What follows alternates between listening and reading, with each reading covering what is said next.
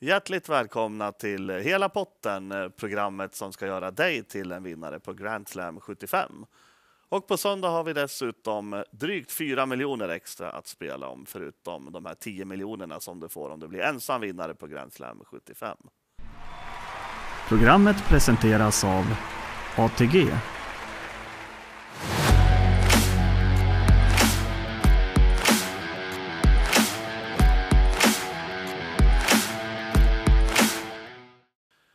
Och vi ska till Närke, Örebrotravet och med oss har vi Fredrik Lindman från Travrondens Spel. Välkommen! Tack så mycket.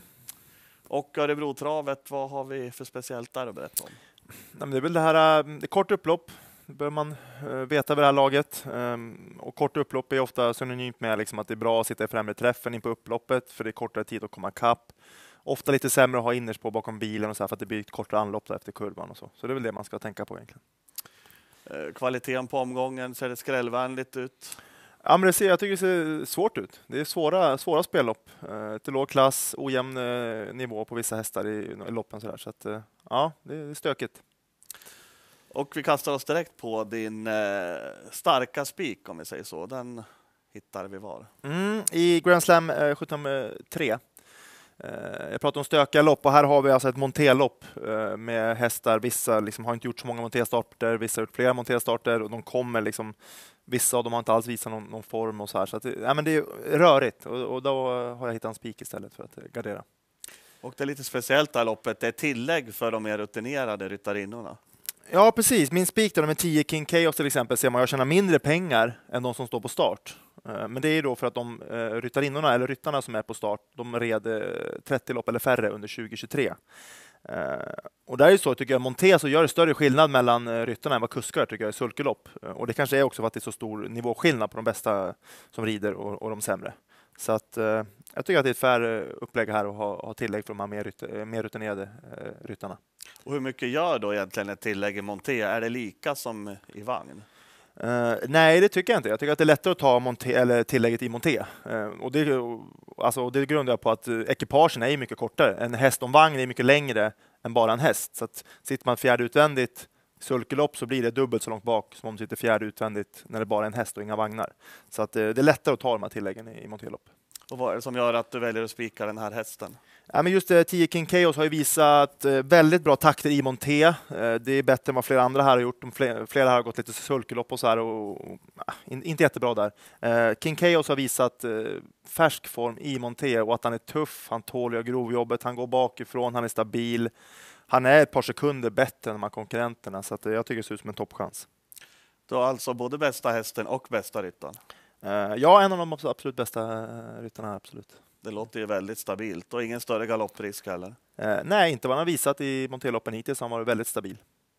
Låter bra och då går vi vidare till din chansspik. Mm, eh, GS 75 6 då, nummer tre. Hopus Castell tänker jag mig att vi ska spika.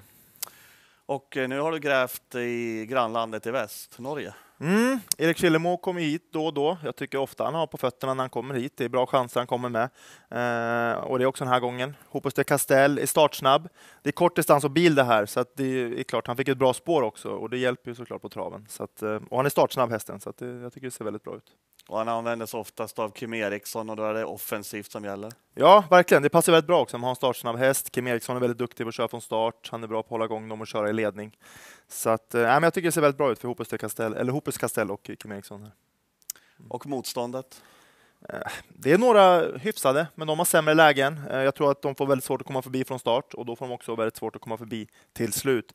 Jag vill tillägga den här Hopus Castell. Jag har sett den lite i Norge och, och ser, ser, lite svår ut. Så här. Mycket, mycket energi, Uh, ibland får man sitta och liksom fånga den nästan för att han vill ta i för mycket. Jag tror att det kommer vara bra effekt nu när han får använda körspö, så han liksom kan se åt hästen liksom lite tydligare signaler och, så här, och få honom att lyssna bättre.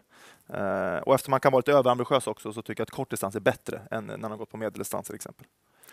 Skulle du rekommendera att singelsträcka även på de större systemen? Uh, absolut. Jag tycker de här två spikarna som jag pratar om kan vara två starka spikar på, även på, på de stora systemen.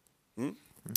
Och eftersom vi jagar miljoner och eh, att bli ensamma på Grand Slam 75 så behöver vi en eh, liten skräll också. Eh, självklart. Eh, jag har hittat en väldigt rolig skräll i GS754, nummer tre, Buttermare och Peter Sadell. Och eh, för de som inte har sett testen? Nej, men väldigt. Jag tycker att hästen fick ett litet genombrott eh, förra vintern. Hade väldigt fin form. Då. Tog fyra raka segrar den här, den här tiden på året då, i fjol, eller ja, under vintersäsongen där. Och visar också kvalitet för att de duger på V75. Så att, eh, det är lite det i, i baktanken jag har här när jag, när jag ser att det är en, en bra chans, eller en bra skräll. Här. Hur ser du framför dig att loppet blir kört? Ja, alltså, hon är ganska snabb. Hon har sport 3 i voltstart. Det här är ett kort, eh, kort distans och voltstart. Så att eh, sport 3 också sitter bra till direkt. Eh, det gillar jag.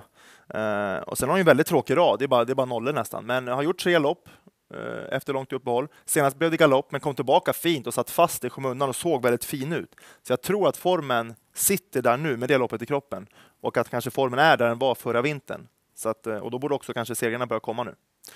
Och Peter Sardell i de här sammanhangen, hur väger du in honom? bra. Jag tycker han kör, kör bra och sådana söndagar liksom på Örebro tycker jag absolut att han duger gott. Men det här rör sig om ett skrällbud som behöver lite tur och klaff. Ja, alltså kapaciteten finns ju. Hade jag vetat, kanske hade den tagit en seger senast, då hade den också varit hårt betrodd.